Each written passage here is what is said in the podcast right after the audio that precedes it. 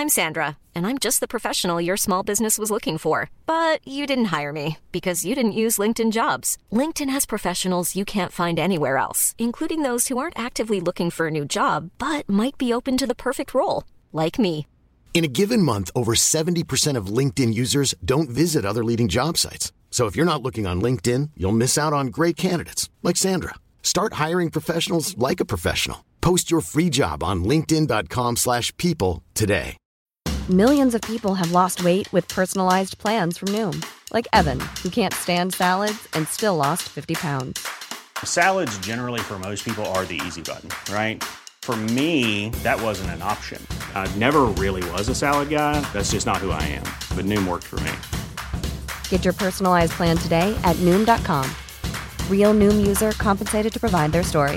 In four weeks, the typical Noom user can expect to lose one to two pounds per week. Individual results may vary. Everyone knows therapy is great for solving problems, but getting therapy has its own problems too, like finding the right therapist, fitting into their schedule, and of course, the cost. Well, BetterHelp can solve those problems. It's totally online and built around your schedule. It's surprisingly affordable too. Connect with a credentialed therapist by phone, video, or online chat, all from the comfort of your home. Visit betterhelp.com to learn more and save 10% on your first month. That's BetterHelp H E L P. Helt siden de første menneskene slo seg ned i Trøndelag, har det blitt observert underlige lys over Hessdalen. Fenomenet har blitt forsøkt bortforklart som syner sett av bygdetullinger og deliriske hallusinasjoner forårsaket av den lokale drikkekulturen. Men det skulle vise seg at fenomenet stakk langt dypere, når Hessdalen-fenomenet fikk verdensomspennende oppmerksomhet i ufo-miljøet på 1980-tallet. Fenomenet er fremdeles der, og det er fremdeles like uforklarlig som den gang. I 2024 kommer en podkastserie i seks deler produsert av Project Hessdalen, som kanskje en gang for alle skal finne svar på hva som rører seg på himmelen i denne bortgjemte dalen i Trøndelag. Serien har som seg hør og bør fått tittelen A Blaze in the Northern Sky, og den kommer til din favorittpodkastavspiller i 2024.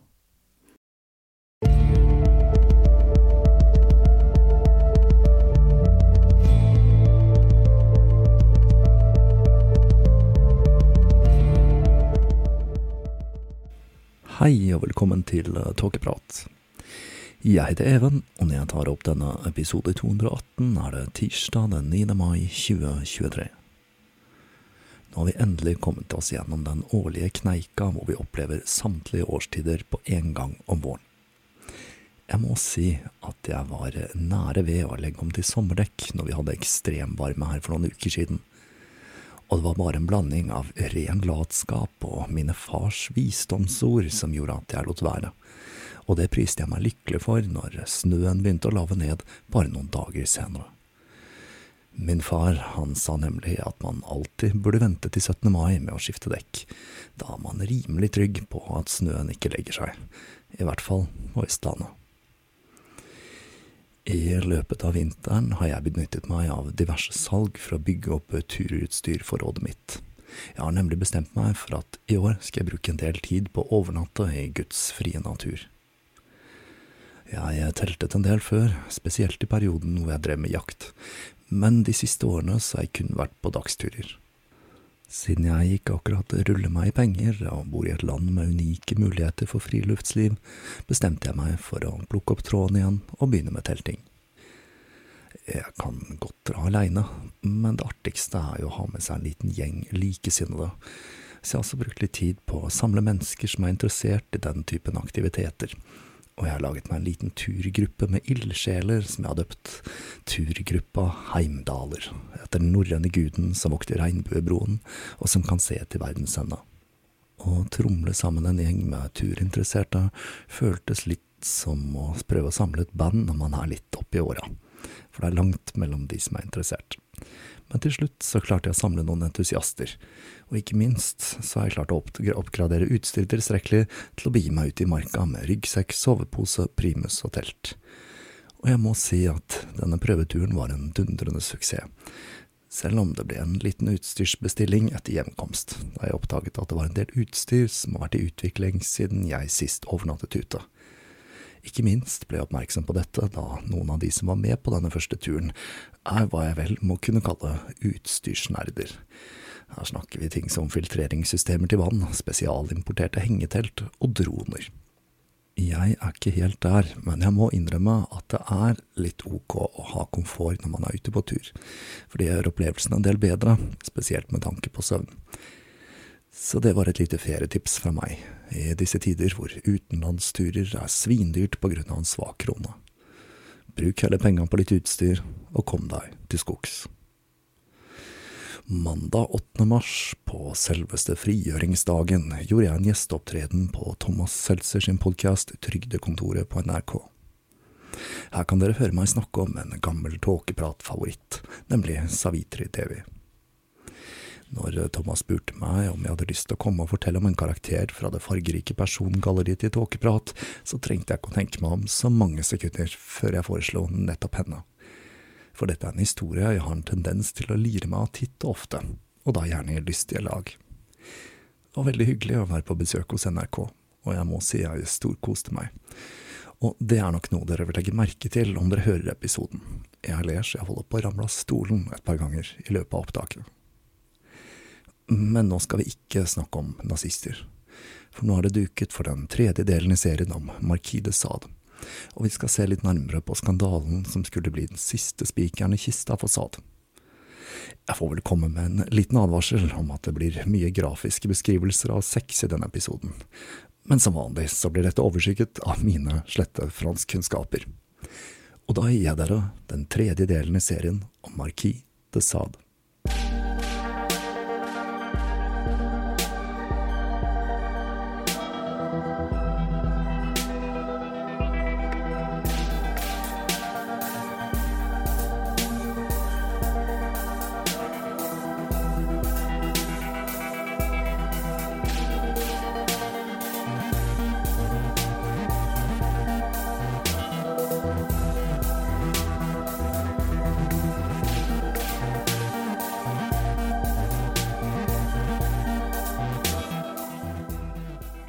Høsten 1771 tok Saad med seg hele familien, kona, sine to sønner og den nyfødte datteren til familieeiendommen i Lacoste.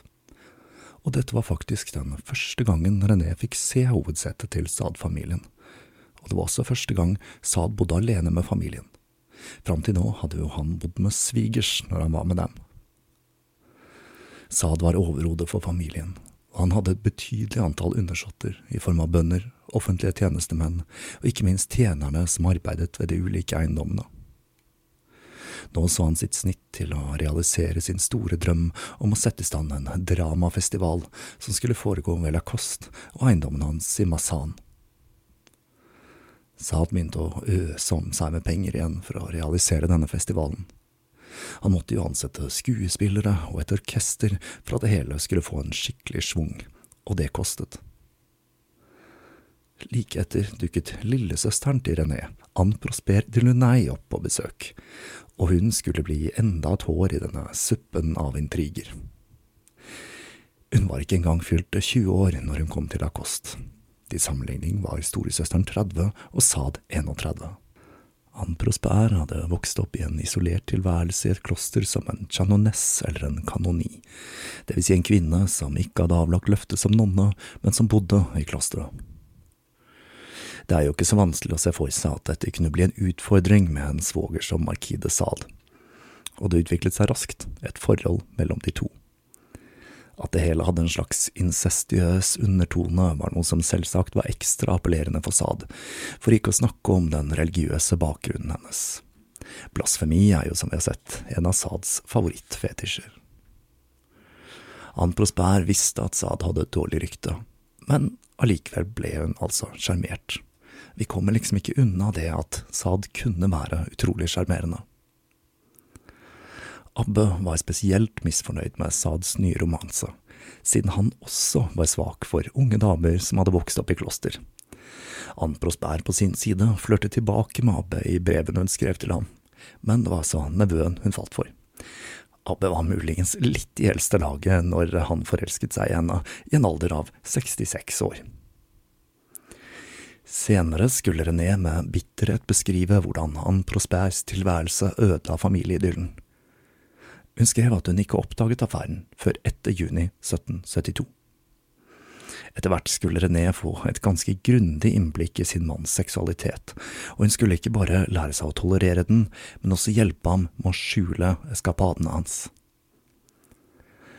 Det er lite trolig at madame de Montreuil mistenkte at det var noe på gang mellom Sade og hennes yngste datter, for hadde hun visst det, så hadde det nok blitt månelyst. Men det skulle allikevel ikke gå så lang tid før affæren skulle ødelegge livet til både Saad og Anne Prosper. Pengene rant altså ut, og våren 1772 begynte det å bli krise igjen. Saad forsøkte å fiske fram penger der han kunne. Farmoren til René hadde dødd seks måneder tidligere, og som vi husker kom paret til å arve en betydelig sum hver gang noen i Montreuil-familien døde. Saad forsøkte å få svigermoren til å gi ham penger så han kunne nedbetale gjelden han hadde på 60 000 livere, som forfalt den 1. juli. Men svigermor, sikkert klok av skade, sa at hun enda ikke hadde fått tilgang til pengene. Hun visste nok at svigersønnen kom til å blåse det hele på piker, vin og sang om han fikk muligheten. Saad bestemte seg for å dra på forretningsreise til Marseille sammen med tjeneren Latour. Dette var i håp om å klare å skrape sammen litt penger. Tirsdag den 23. juni sa han farvel til René og søsteren og satte kursen til Marseille. Det er mulig han brukte den første dagen der på forretninger, men den neste dagen var han klar for litt festing. Han sendte av gårde Latour på jakt etter prostituerte, men denne torsdagen skulle han ikke få napp. Den første tjeneren snakket med, var den 19-årige Jeanne Nicot, og hun nektet å bli med til hotellrommet til Saad. Saad bestemte seg for å dra og snakke med henne selv. Han fortalte at han hadde lyst til å ha analsex med henne, men dette takket hun nei til. Som vi husker, så var analsex, eller sodomi, straffbart, og jeg tror jeg går for ordet sodomi i denne serien, for det høres litt mer dramatisk og bibelsk ut, og det blir mye sodomi, det kan jeg love dere. Uansett, den neste kvelden dukket han opp igjen, og da hadde Jeanne den 23 år gamle venninnen Katrine Charles på besøk, og hun fortalte senere at Saad hadde sagt han hadde lyst til å gi henne aniskarameller, og spurte om de kunne hjelpe til med å skaffe flere jenter, noe de nektet. Idet han gikk, sa han at han skulle komme tilbake neste dag med aniskarameller som ville få dem til å fise, sånn at de kunne fise ham i munnen. Neste dag, lørdagen, kom Latour tilbake og forsøkte å få med seg Jeanne igjen, men hun var ikke til å rikke. Nå begynte Sad å få dårlig tid. Han måtte nemlig til Masan på søndagen for å forberede forestillingen til mandagen. Så skulle Latour få napp når han oppsøkte den 20 år gamle Marianne Lagier.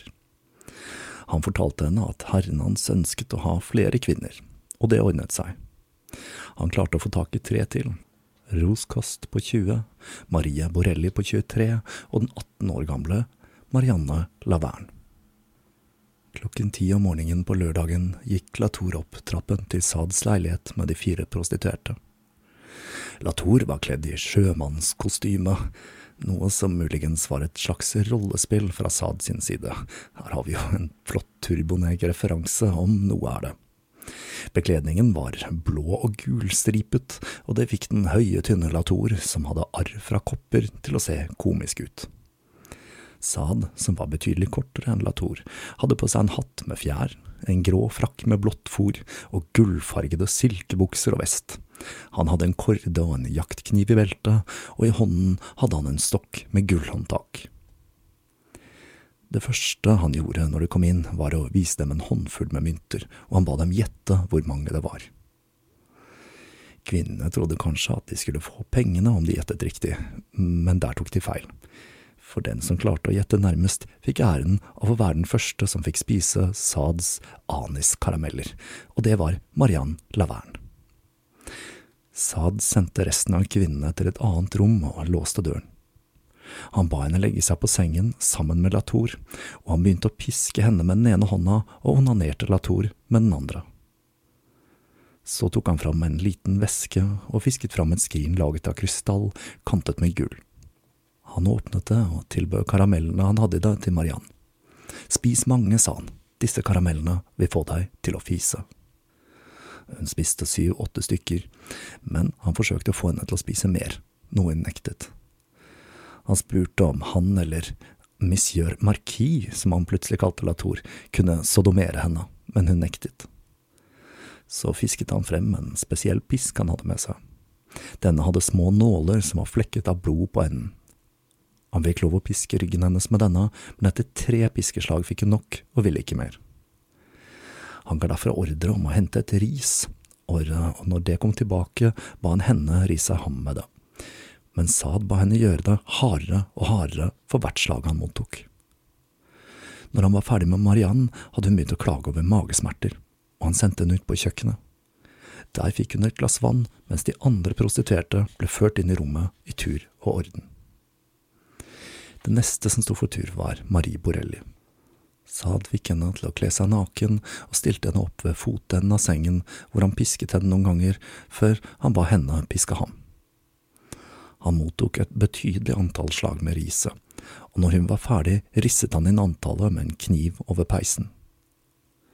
Når politiet undersøkte stedet fire dager senere, fant de følgende tall over peisen.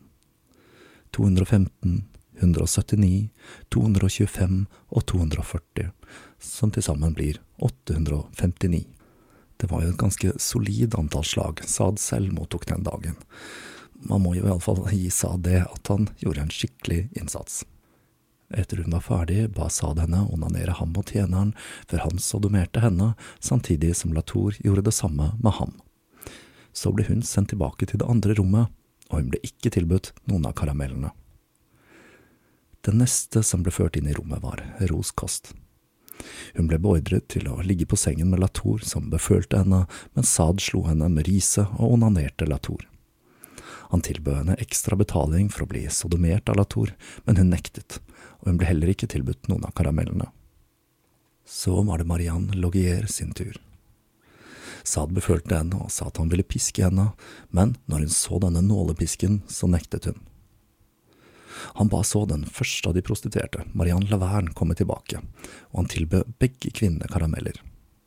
Marianne Laverne, som hadde veldig vondt i magen, nektet, og Logier forsøkte å spise et par, men hun spyttet dem raskt ut. Saad, som Latour kalte Le Fleur, eller Blomst, begynte å piske de to med riset, før han stakk nesen sin opp i rumpa til Lavern og spurte om karamellene hadde hatt den ønskede effekten. Han ville altså at hun skulle fise på ham, for de av dere som har glemt den detaljen. Til Sads skuffelse så hadde ikke karamellene den virkningen han hadde håpet på. Han spurte om Logier ville onanere Latour, noe ikke ville, så han begynte å sodomere Laverne mens Latour sodomerte Saad. Dette ble for mye for Logier, som flyktet gråtende ut gjennom vinduet. Når de var ferdige, betalte Saad de gjenværende kvinnene og spurte om de ikke ville være med på en båttur senere på kvelden, noe de takket pent nei til. Dagen var fremdeles ung, og Saad så frem til flere forlystelser før han måtte forlate Marseille. Om kvelden sendte han Latour ut på jakt etter flere prostituerte. Han forsøkte blant annet å få med seg Marianne Logier på denne båtturen en gang til, men av en eller annen merkelig grunn så takket hun fremdeles nei til dette tilbudet. Til slutt fant Latour en prostituert som var villig til å møte Saad, den 25 år gamle Margit de Coste. Saad kom senere på besøk, og igjen fisket han fram esken med karameller. Hun spiste noen få, men så sa hun at hun ikke ville ha flere. Saad presset henne og sa at alle jentene spiste dem, og så tvang han henne til å spise resten. Han stakk tungen inn i anus på henne og ba henne fise ham i munnen før de hadde samleie på normal måte, og han betalte henne og dro sin vei. Det Saad ikke visste, var at dette skulle være slutten på livet hans som en frimann. Som vi ser, så var Saad veldig opptatt av alt som var analorientert, og han hadde en slags barnslig undring om hva som foregikk i magen på en kvinne. Dette er et tema han skulle utforske til det ekstreme i Sodomas 120 dager. Vi vet også fra onanidagbøkene han skrev i fengsel, at han selv hadde smertefulle orgasmer, og denne hangen mot pisking og eksperimentering kan ses på som et forsøk på å finne en løsning på dette. Vi husker jo hvordan han skrek noe voldsomt da han fikk orgasme når Rose Keller lå bundet på sengen, og det skriket var et skrik, ikke bare av nytelse, men også av smerten han følte når han fikk utløsning. Det er i hvert fall helt klart at Saad hadde et problematisk forhold til sex, og at han forsøkte å løse dette med hva som vel må kunne kalles en kvasivitenskapelig teknikk, med det å gjøre ting som å notere seg antall piskeslag videre. Saad var også av den overbevisning om at det var farlig å ikke få utløsning jevnlig, og dette ble jo en utfordring når han fikk smertefulle orgasmer. Når det gjelder disse karamellene til Saad, så inneholdt de spansk flue, en billeart som inneholder stoffet kantaridin, et stoff som irriterer urinveiene, og som i Saads tid ble brukt som et afrodisiakum. Stoffet er giftig, og selv i relativt små doser kan det være dødelig. Kvinnene kastet etter hvert opp, og rettsmedisineren undersøkte dette oppkastet med de fantastiske metodene de hadde tilgjengelig på 1700-tallet, og de fant ingen spor i et gift. Giften de var på jakt etter, var selvsagt arsenikk, og om det i det hele tatt var mulig å finne spor etter kantaridin på den tiden, er heller tvilsomt. Symptomene kvinnene som spiste av karamellene til Saad fikk, er identiske med de man får av spansk flueforgiftning, så det er liten tvil om at det var det Saad hadde puttet i aniskaramellene. Han var interessert i alt som hadde med sex å gjøre, og han trodde altså at blandingen av spansk flue og anis ville få de prostituerte kvinnene til å fise, et fetisj han utbroderer i Sodomas 120 dager, hvor bokens hovedpersoner får slavene sine til å fise dem i munnen hundrevis av ganger på grunn av et spesielt stoff de tilsetter i maten. Som nærmest en sidenote til den orgien registrerer vi jo at Saad var biseksuell, og vi kan jo gå ut ifra at han og Sailorman-tjeneren hadde et seksuelt forhold som strakk seg tilbake i tid. Latour visste iallfall hva som var forventet av ham, og det at han kalte Saad Laflore hunnkjønnsbøyningen av blomst på fransk, ta den, dere franske språknazister der ute, hinter jo om at det var langt fra den første gangen tjeneren hadde tatt Saad på denne måten.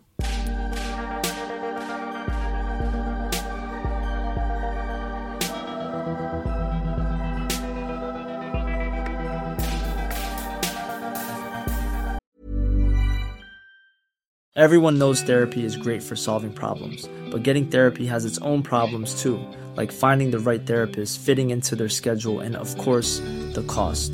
Well, BetterHelp can solve those problems. It's totally online and built around your schedule. It's surprisingly affordable too. Connect with a credentialed therapist by phone, video, or online chat, all from the comfort of your home. Visit betterhelp.com to learn more and save 10% on your first month. That's BetterHelp, H E L P. Wow. Nice. Yeah. What you're hearing are the sounds of people everywhere putting on Bombas socks, underwear, and t-shirts made from absurdly soft materials that feel like plush clouds. Yeah, that plush. And the best part? For every item you purchase, Bombas donates another to someone facing homelessness. Bombas. Big comfort for everyone. Go to bombas.com slash ACAST and use code ACAST for 20% off your first purchase. That's bombas.com slash ACAST. Code ACAST.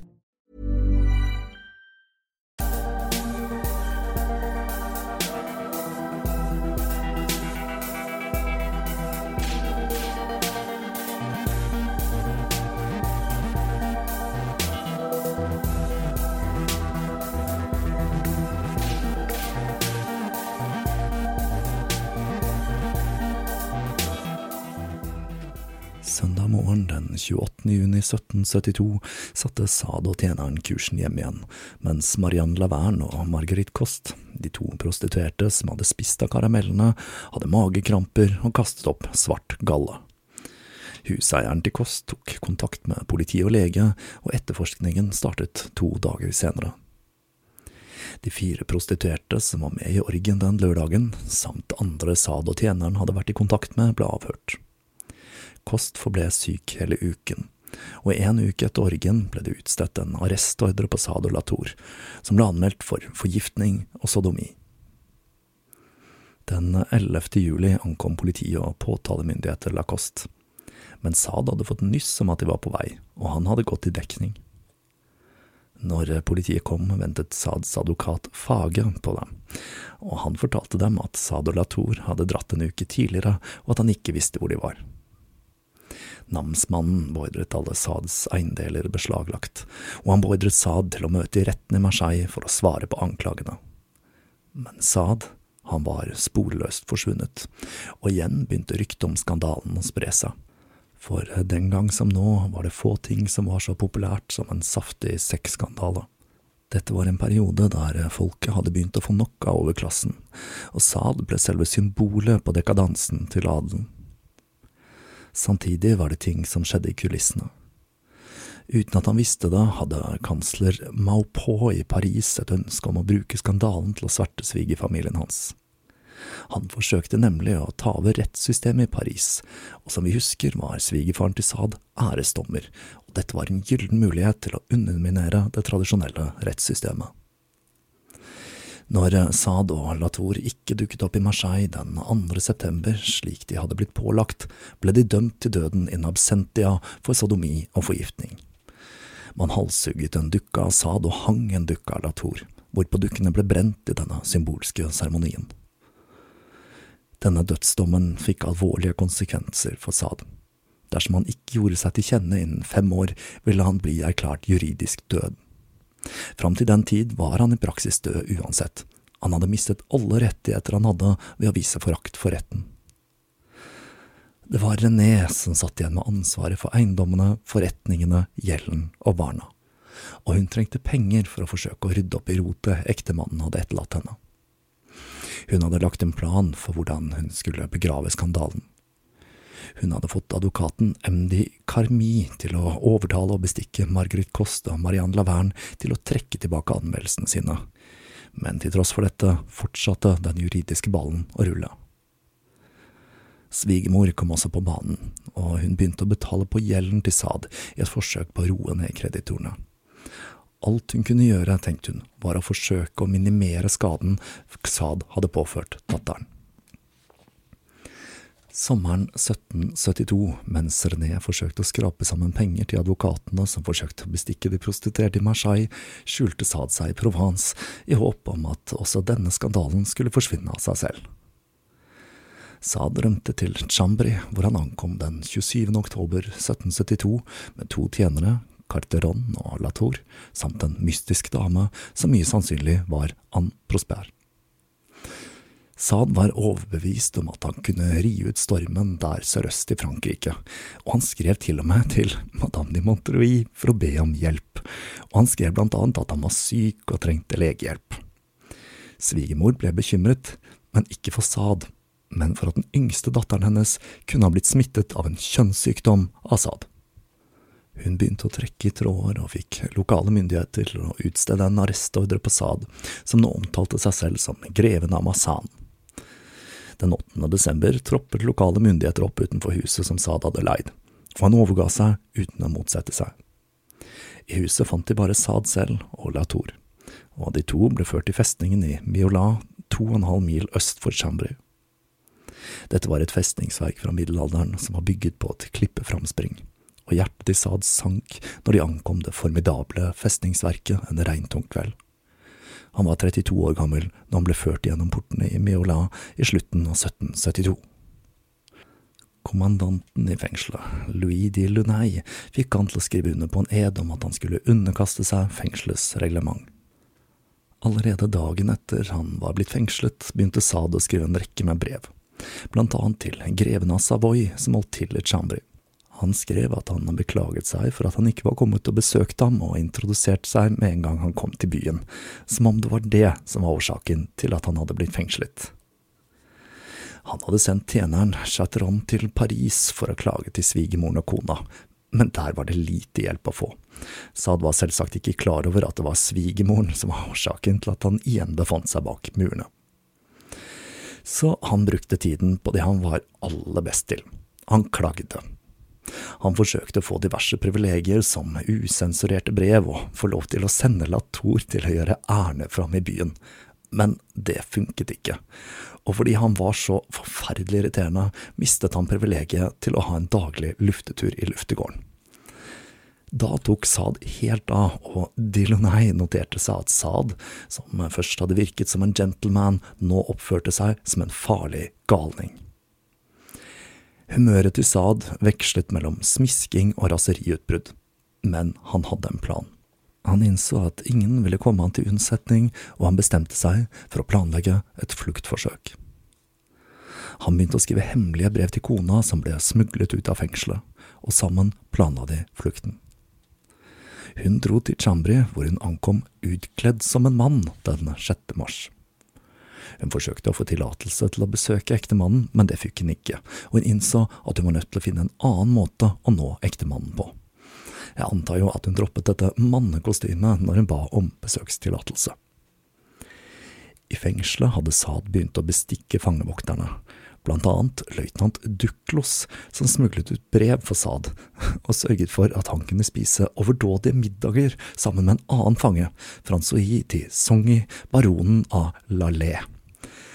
Dillunay merket en betydelig forandring i Saad i denne perioden, og han skrev at han hadde begynt å oppføre seg mer normalt, og han noterte seg også at Saad hadde begynt å delta i gudstjenester. Dette var selvsagt bare et spill fra Saad. Saad var klar over at de var nødt til å finne et annet rom enn hans egen celle å flykte fra, da denne kun hadde ett vindu, og dette var sperret med et solid gitter. En dag nevnte Duklos at de holdt på å sette inn et nytt vindu på toalettet i leiligheten hans, og da øynet Saad og baronen en mulighet, siden det var i leiligheten til Duklos de to spiste middag hver dag. Saad og René hadde sørget for at de hadde en mann på utsiden, Violon, som holdt oppsyn med festningen i påvente av fluktforsøket. Fredag den 30. mai spiste de to middag som vanlig klokken sju. De hadde på forhånd merket seg hvor Duklos la nøklene sine, og Latour hadde klart å naske dem til seg.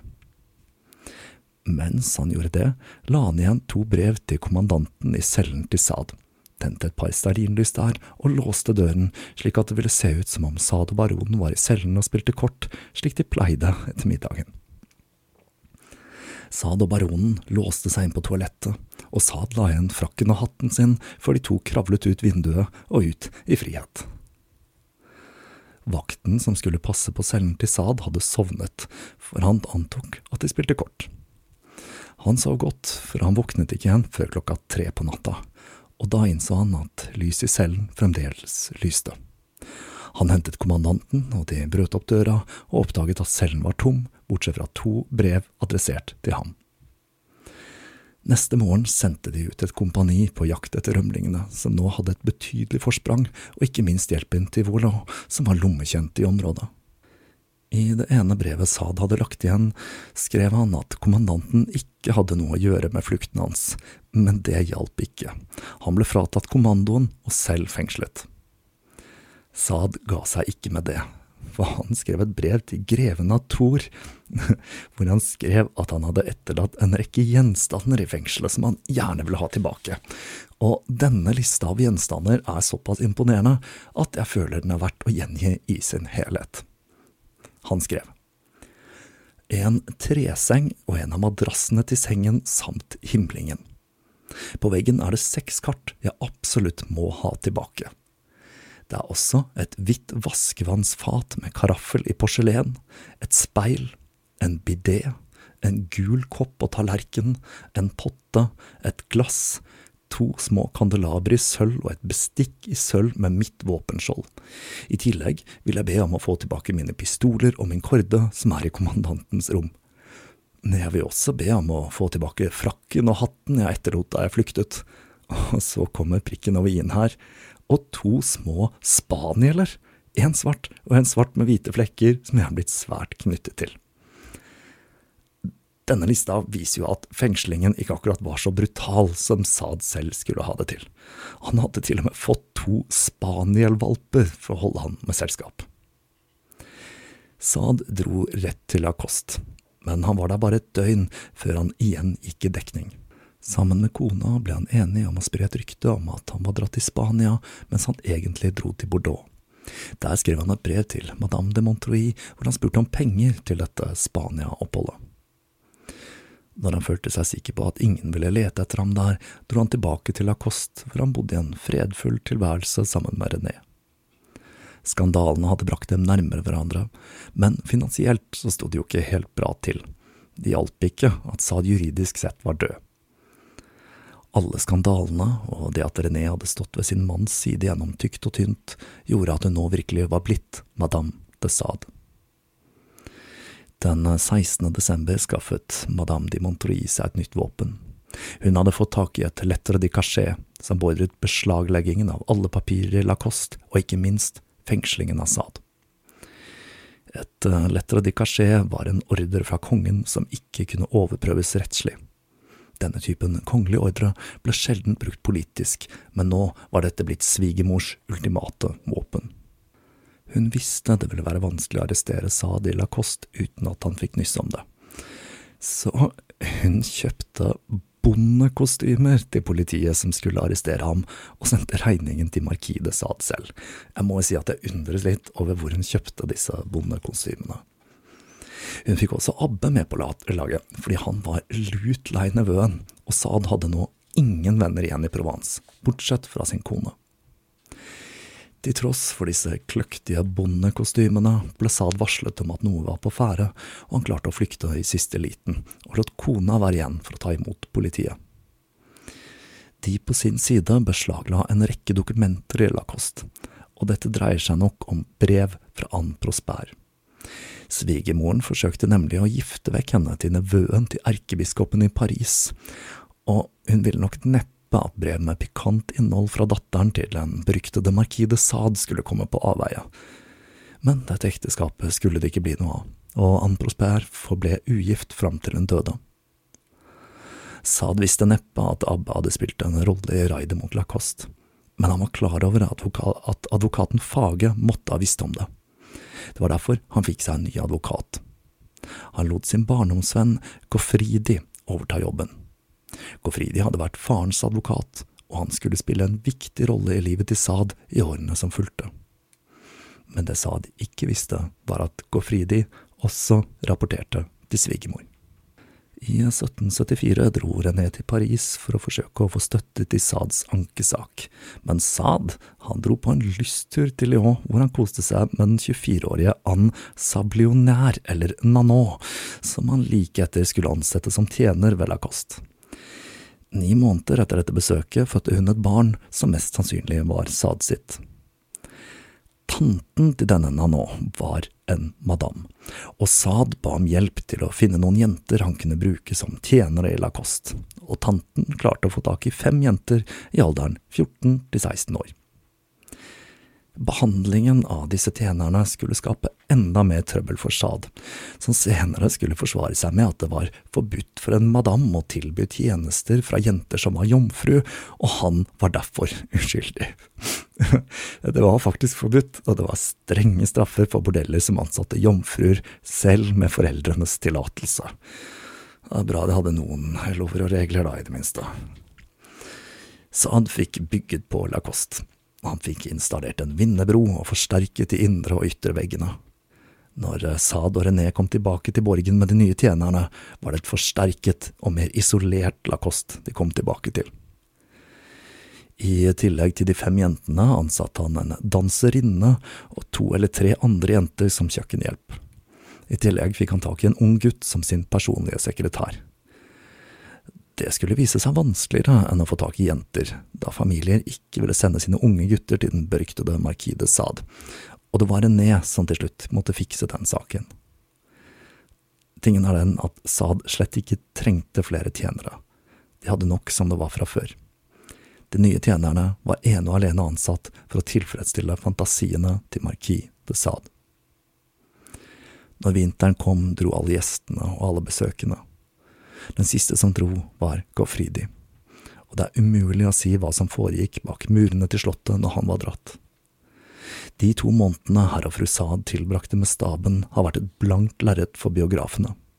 Det har blitt malt bilder av orger, tortur og heksesabbater, hvor René selv deltok i perversitetene. Men når sant skal sies, så vet vi ikke detaljert hva som skjedde, og det er aldri skrevet noen god biografi om Madame de Sade, så René sin rolle i det hele forblir et mysterium for fremtidige historikere å forske på. Men det vi vet ut ifra brevvekslingen hun hadde med sin mann i fengsel senere, er at det utviklet seg et dypt bånd og kjærlighet mellom de to. Sade på sin side behandlet henne ikke som tjenerne eller de prostituerte. Senere skulle han skrive at jeg er en libertiner, men jeg har aldri kompromittert min kones helse. Men noe skjedde med Lacoste. I januar 1775 begynte foreldrene til noen av de unge tjenerne å klage på at barna enten var bortført eller forført av Saad, og en jente klarte å rømme fra Lacoste og søkte tilflukt hos Abbe.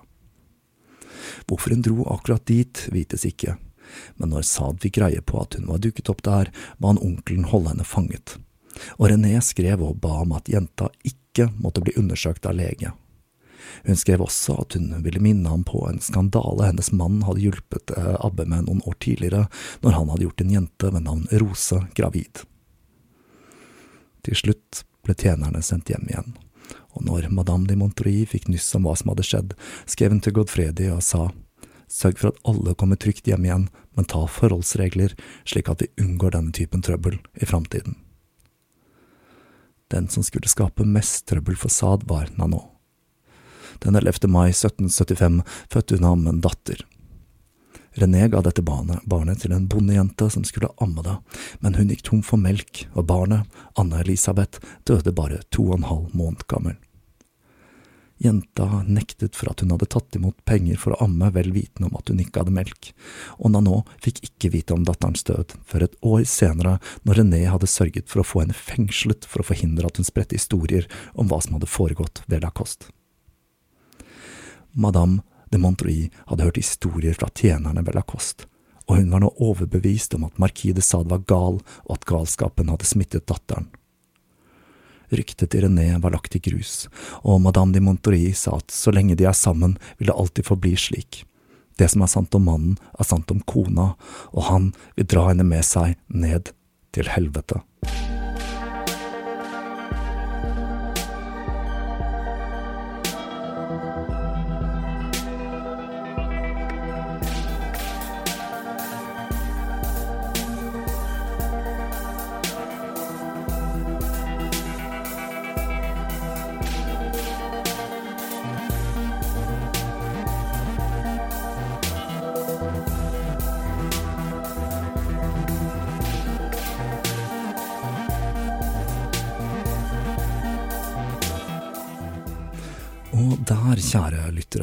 Avslutter vi denne tredje delen i serien om Marquis de Sade.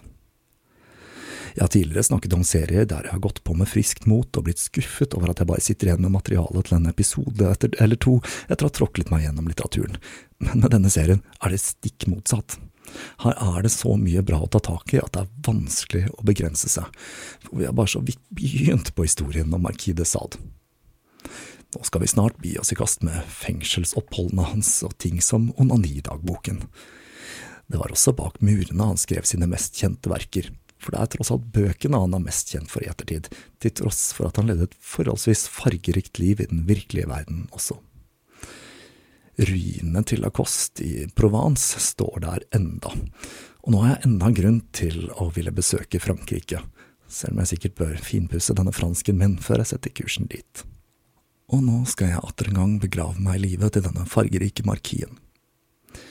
Fram til jeg klarer å hoste opp en ny episode, vil jeg som vanlig takke alle patrions, alle som har donert via nettsiden og Vips, alle som handlet i nettbutikken, og ikke minst deg som hører på. Jeg må jo si at jeg håper at gjesteopptredenen min på Trygdekontoret kanskje kan sørge for en liten ekstra tilstrømming av lyttere, og vil gjøre Tåkeprat litt mer synlig i podkastjungelen der ute.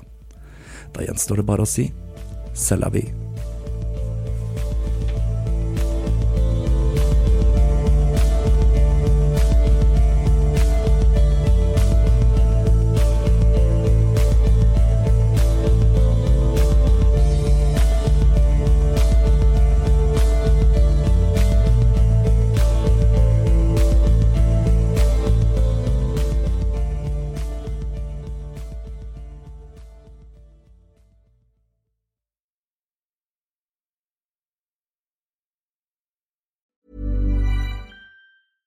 Even when we're on a budget, we still deserve nice things. Quince is a place to scoop up stunning high-end goods for 50 to 80% less than similar brands. They have buttery soft cashmere sweaters starting at $50, luxurious Italian leather bags, and so much more. Plus, Quince only works with factories that use safe, ethical, and responsible manufacturing. Get the high-end goods you'll love without the high price tag with Quince. Go to quince.com slash style for free shipping and 365-day returns. Hey, it's Paige DeSorbo from Giggly Squad. High quality fashion without the price tag. Say hello to Quince. I'm snagging high-end essentials like cozy cashmere sweaters, sleek leather jackets, fine jewelry, and so much more. With Quince being 50 to 80% less than similar brands. And they partner with factories that prioritize safe, ethical, and responsible manufacturing. I love that. Luxury quality within reach. Go to quince.com slash style to get free shipping and 365 day returns on your next order. Quince.com slash style.